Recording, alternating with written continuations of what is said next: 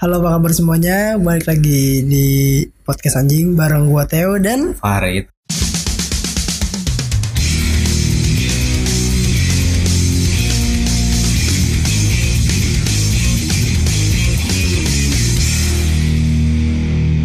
Yo.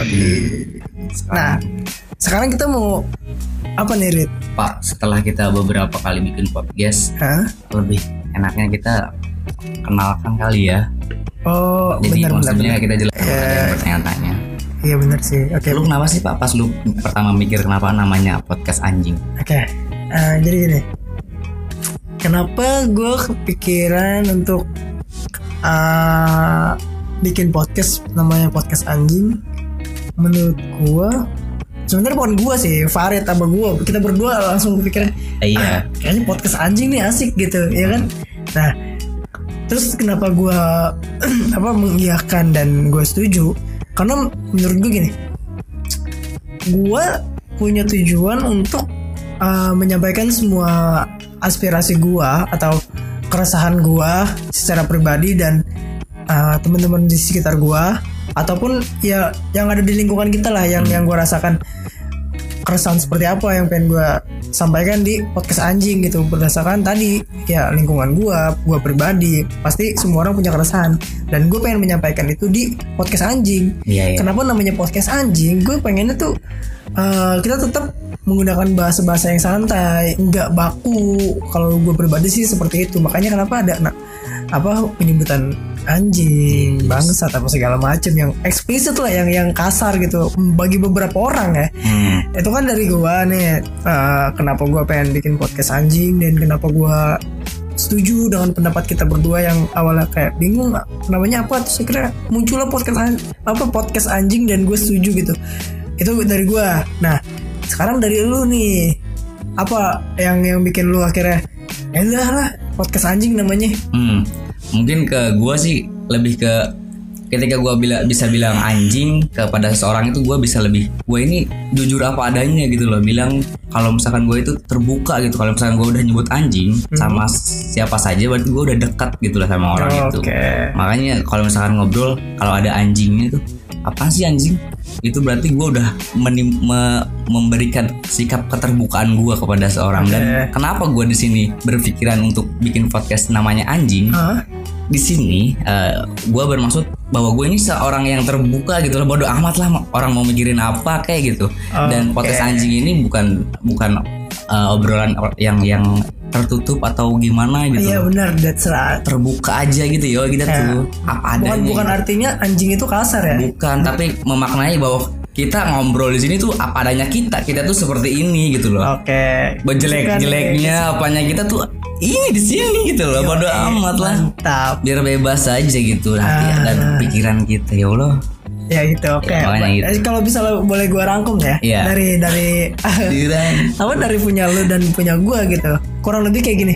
Podcast ini podcast anjing ini adalah tempat untuk kita berdua eh, apa menuangkan keresahan. Nah itu. Dengan- terus Mm, menyampaikan aspirasi kita. Berdasarkan ya kita pribadi dan Iya. lingkungan sekitar kita dengan kata-kata yang santai. Kata-kata yang santai di sini artinya kita nggak baku dan nggak harus eh, apa Anda, saya, kamu.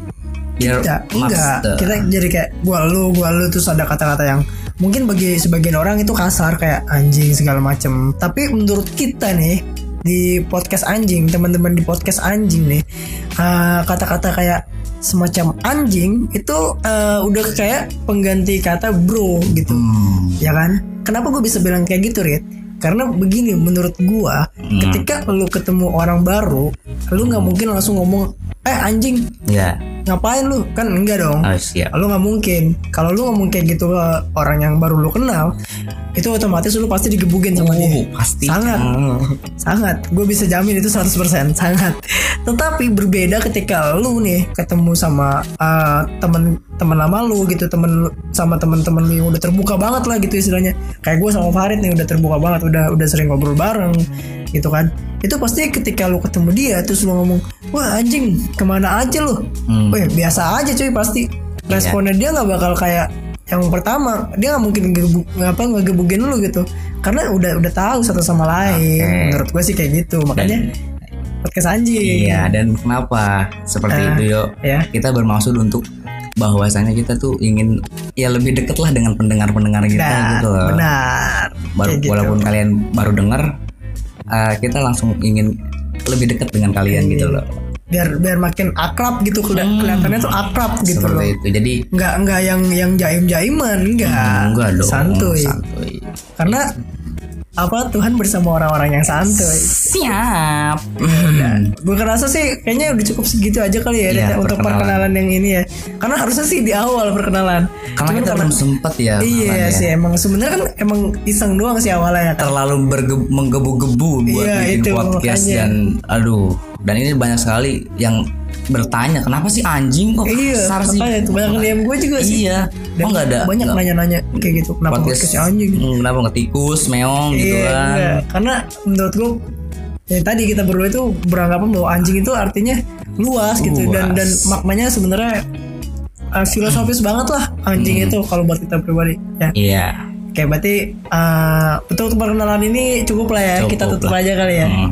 Nah, intinya kita berterima kasih kepada kalian yang sudi mendengarkan kita dan selamat tidur.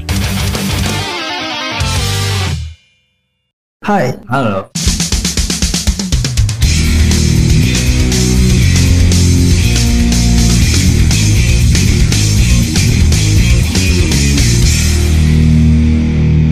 Selamat datang di podcast anjing. Dan selamat mendengarkan. Bareng gua Theo dan Farid MS Farid MS. Waduh. Oke, jadi gini, gimana nih uh, kali ini kita mau cerita tentang apa nih? mungkin kita akan bakalan cerita tentang diri kita masing-masing ya. Kita masing-masing. Seperti judulnya, Cita-cita toh. cita-cita. Jadi kita sekarang mau bahas tentang cita-cita. Oke, Hmm. pertama gue mau tanya dulu nih, Rian. Cita-cita lu dari kecil. Pas kecil deh, pas pas kecil. Pasti pas SD tuh ditanyakan sama guru tuh, cita-cita kamu apa? Iya deh. Apa, Rit? Kalau dari kecil sih cita-citanya jadi jadi abri. Jadi abri. Eh, anjing sama sama gue. Masya. Wah, pas kecil itu gue pengen jadi tentara. Tapi rata-rata sih kalau misalkan masih kecil kalau kalau nggak tentara, polisi, Polisi, dokter, dokter, udah gitu doang. Guru. Guru. Soalnya nggak tahu juga sih. Iya, karena mungkin pandangan mereka belum luas, belum, tahu tentang dunia kerja. Padahal banyak arsitek, Waduh, apa segala macam gitu kan. Oke, itu dari kecil. Mm-mm. Dan dan biasanya ya, ya kebanyakan orang adalah eh, cita-cita kecil sama cita-cita sekarang tuh berbeda, Rit. Beda-beda. Pasti. Mungkin cita-cita SD, SMP, SMA nanti bakal beda-beda. Mungkin. mungkin bisa mungkin, jadi. Mungkin. Nah, sekarang pertanyaannya adalah cita-cita lu yang sekarang Hmm. itu sama seperti pada saat SD atau enggak? Mungkin SMA ya ketika gua setelah Oke. eh, setelah SMA nih setelah menemukan jati diri mungkin waduh mantap. uh, ingin sekali saya menjadi seniman wow Oh, seniman dalam hal apa nih? Dalam Seniman itu kan luas kan, banyak. Seniman itu luas. mungkin lebih ke seniman tradisional kali karena mantap. karena hidup saya di tradisional sekali Tradisi- tradisional iya, sekali. ingin sekali menjadi mm, hidup di tradisional ini maksudnya ingin sekali mengembangkan tradisional seperti itu Oh, mantap. Berarti bagus cita-cita lu tuh sangat mulia sekali. Iya jadi iya seperti itu terus kalau lu gimana yuk Oke. Kayak tadi gue bilang kan cita-cita gue pas SD tuh sama kayak lu sebenarnya. gimana? Tentara. Waduh. Tentara juga. Hmm. Karena yang gue tuh tentara tuh keren. Iya. Itu sampai SMA mah masih pengen jadi tentara. masih pengen jadi tentara. At least jadi polisi. Hmm. Pokoknya hal-hal yang kayak gitulah. Ya, yang Tentara. gajinya tetap gitu ya. Enggak ke situ sih. Iya. Karena kan masih kecil gue belum mau apa mikirin gaji. SMK aja gue belum mikirin gaji. Hmm. Mending kerja aja dulu. Hmm, Kerja aja dulu. Terus? Terus gini, eh, kenapa gue bisa bilang bahwa SMA gue masih pengen di TNI atau tentara gitu kan? Gue sempat ikut paskibra karena itu. Oh, jadi lu ikut pas kibra juga ada sih. Iya, SMA gue paskibra dan itu kebanyakan orang-orang itu apa paskibra itu biasanya lebih gampang gitu untuk masuk TNI. Hmm. Dan mungkin ngomongin soal cita-cita, kalau misalkan gua nih Pak, gua juga sama berubah-ubah ketika gua misalkan terjun ke eh, ke sini nih, wah pengen banget jadi ini. Terus terjun ke sini, gua nih orangnya kayak gitu ya, ke situ gitu.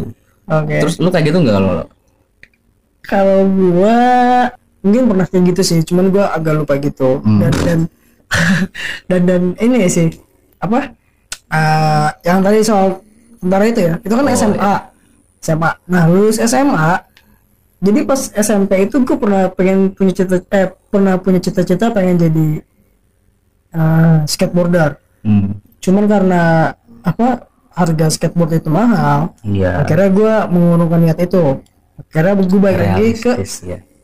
Balik lagi ke tentara Waduh, emang jadi tentara nggak mahal pak?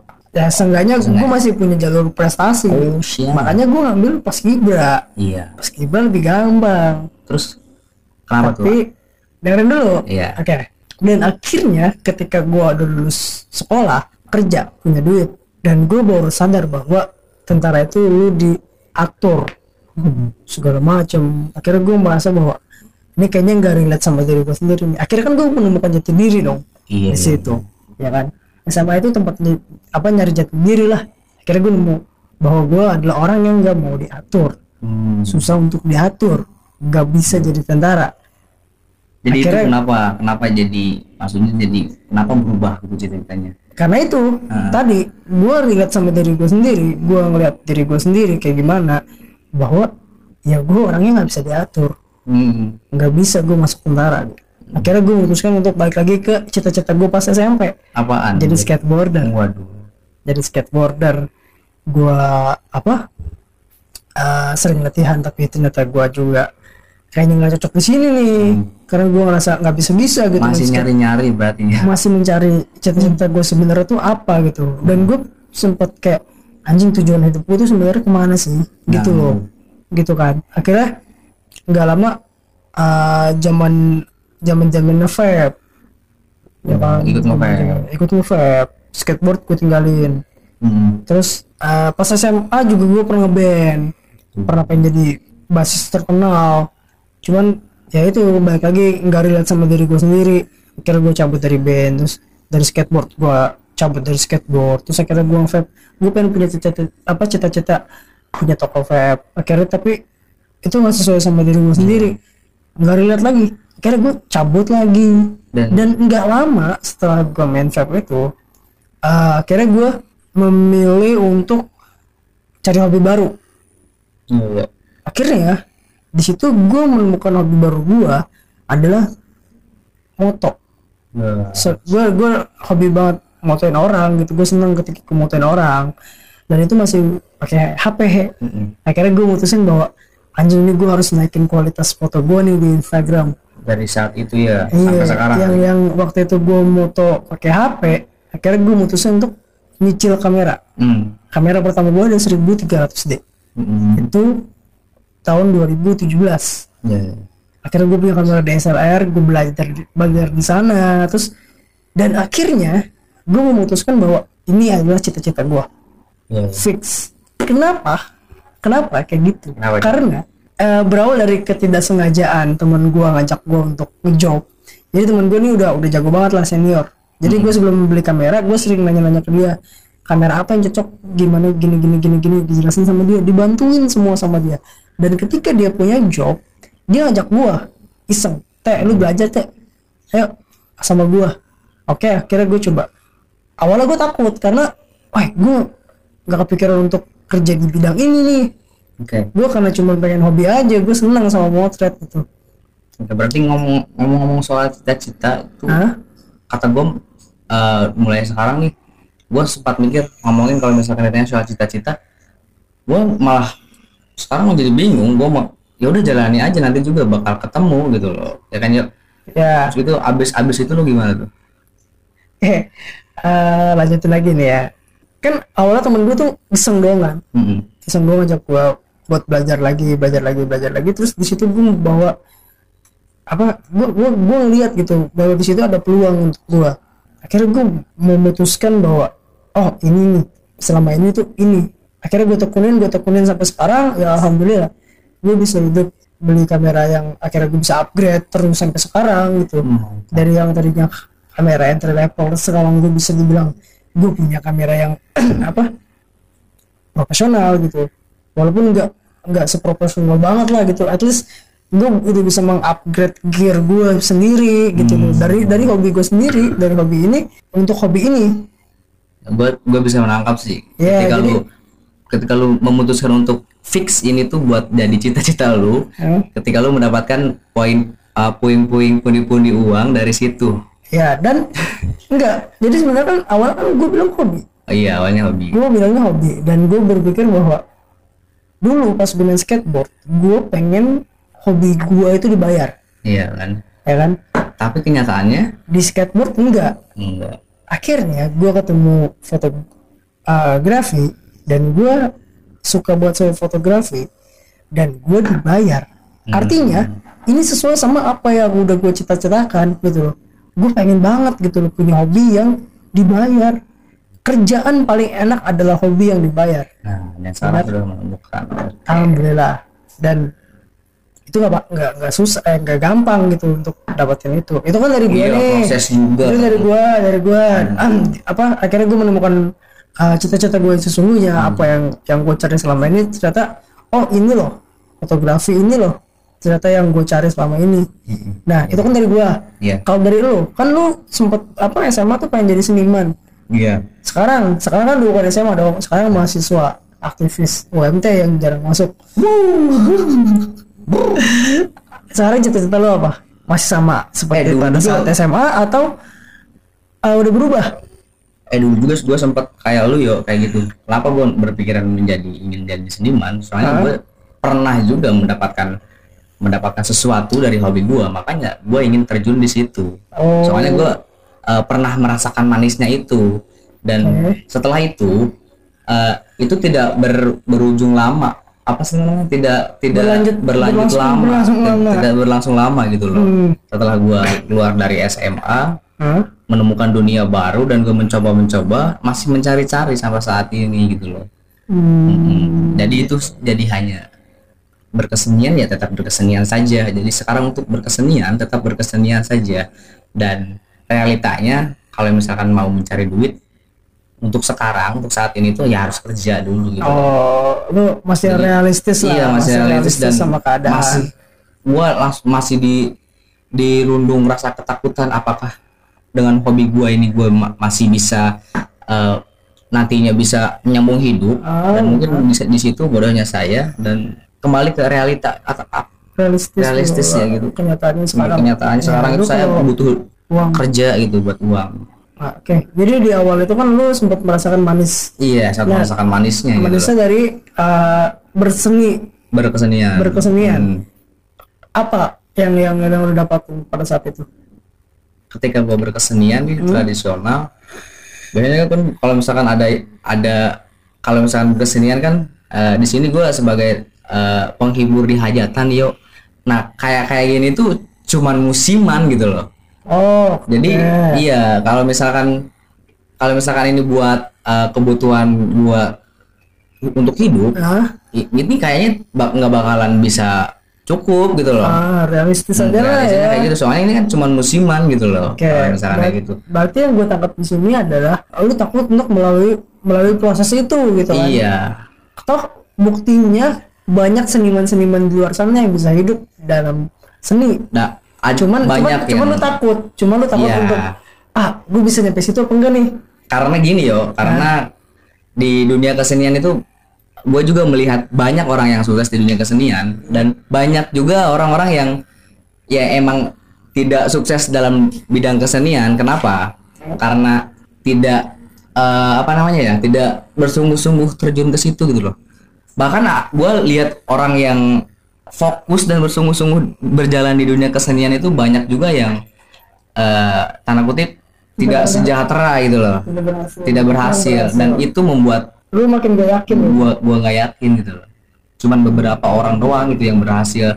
Kenapa gua nggak yakin? Karena eh, di sini gua masih di dunia kesenian masih setengah-setengah gitu loh. Tidak full tidak tidak ayo gua menyerah menyerahkan diri sepenuhnya kepada dunia kesenian gitu loh Udah, udah belak-belakan lah, udahlah Iya, gitu, enggak, udah, udah, pokoknya. udah sampai basah banget. Hmm.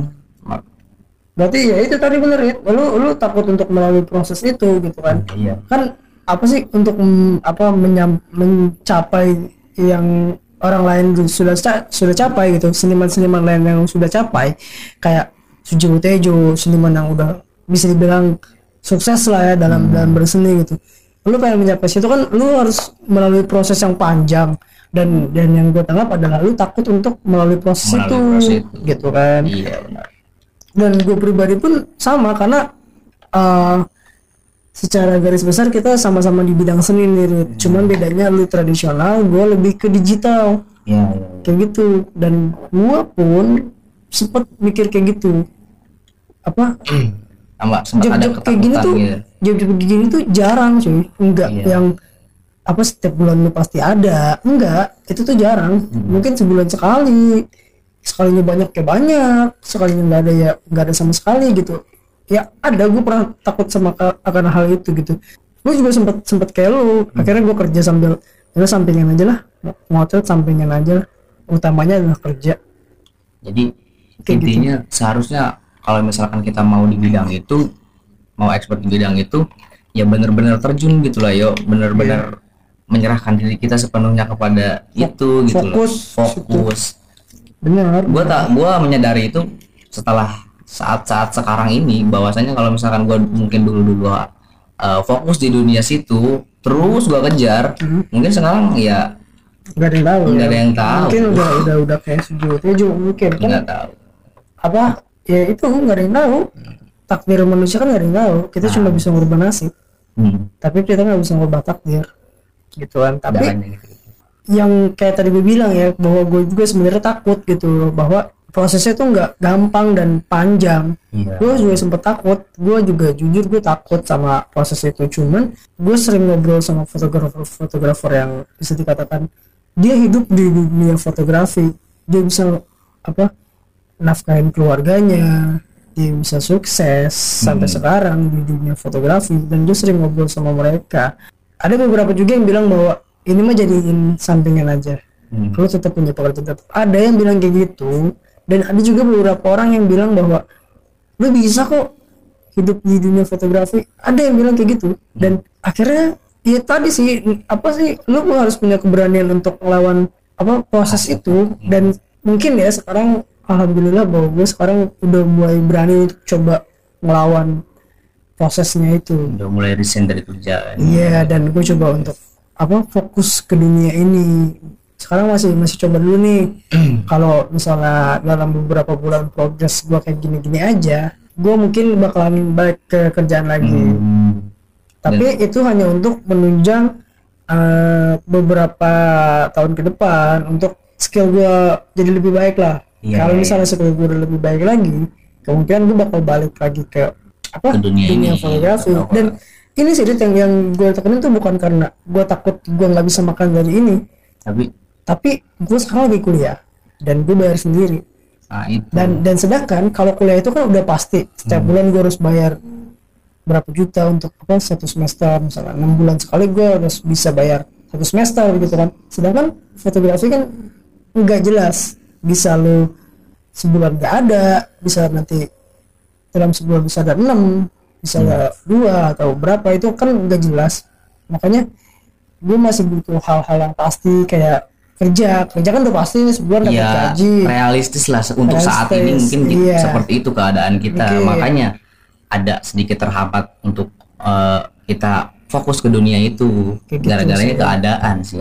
Hmm. tapi kita juga tidak menyalahkan keadaan ya ini Iya, iya. ini juga sebagian proses dari mengejar sebuah cita-cita Yoi, masih mengejar lah ya Iya, masih mengejar dan mungkin kita juga tidak tahu uh, kita nanti bakal seperti apa dan jadi apa. Mm-mm. Makanya lakukan saja mungkin ya, yo ya. just, just do it Apa saja gitulah apa yang yang mungkin itu baik buat kita nanti ya lakukan saja. oh, saja tapi kalau misalnya gue nanya tentang cita-cita nih kalau lu sendiri kan masalahnya tadi udah udah ketahuan nih masalahnya adalah realistis lu Realistis. masih terlalu kuat dan idealisme lu masih kurang gitu loh tentang cita-cita lu sendiri.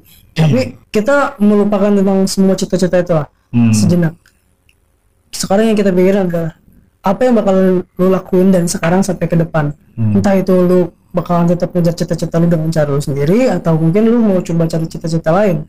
Nih, apa yang gue lakukan? Ya yang Mungkin- akan lu lakukan cuy Mungkin buat saat buat buat saat ini nih gue berpikirnya begini. Oke lah nanti gue bakal bakal ngejar tuh semua cita-cita yang sudah gue bayang-bayangkan setelah gue lulus kuliah kali ya. Untuk saat ini mungkin gue lebih fokus ke kuliah dulu. Oke, dan berarti na- nantinya gue juga nggak tahu bakal seperti apa. Eh, bukan bukan hidup gue tanpa tujuan ya. Pokoknya saat ini mah tujuan gue cuman lulus kuliah aja dulu. Nah kalau lu gimana yuk eh, kalau gue pribadi ke depannya yang sekarang lagi gue pikirin adalah gue tetap fokus sama yang sekarang lagi gue jalanin yaitu adalah prosesnya nih. Hmm, ya kan? gue kan udah gak kerja. Gue sekarang coba untuk berani ngelawan proses sampai ke titik di mana tujuan itu yang pengen gue capai. Itu sekarang yang pengen gue lakukan adalah fokus ke situ. Tapi ini ada tapinya. Kalau misalnya eh, apa yang sudah gue rencanakan ini gagal gitu kan. Plan A harus punya plan B. Gitu plan A gue adalah gue fokus di sini. Plan B nya adalah jika gue nggak fokus eh nggak berhasil dalam apa proses ini gitu kan. Belum berhasil ya bukan tidak belum belum berhasil gue bakalan cari kerja lagi.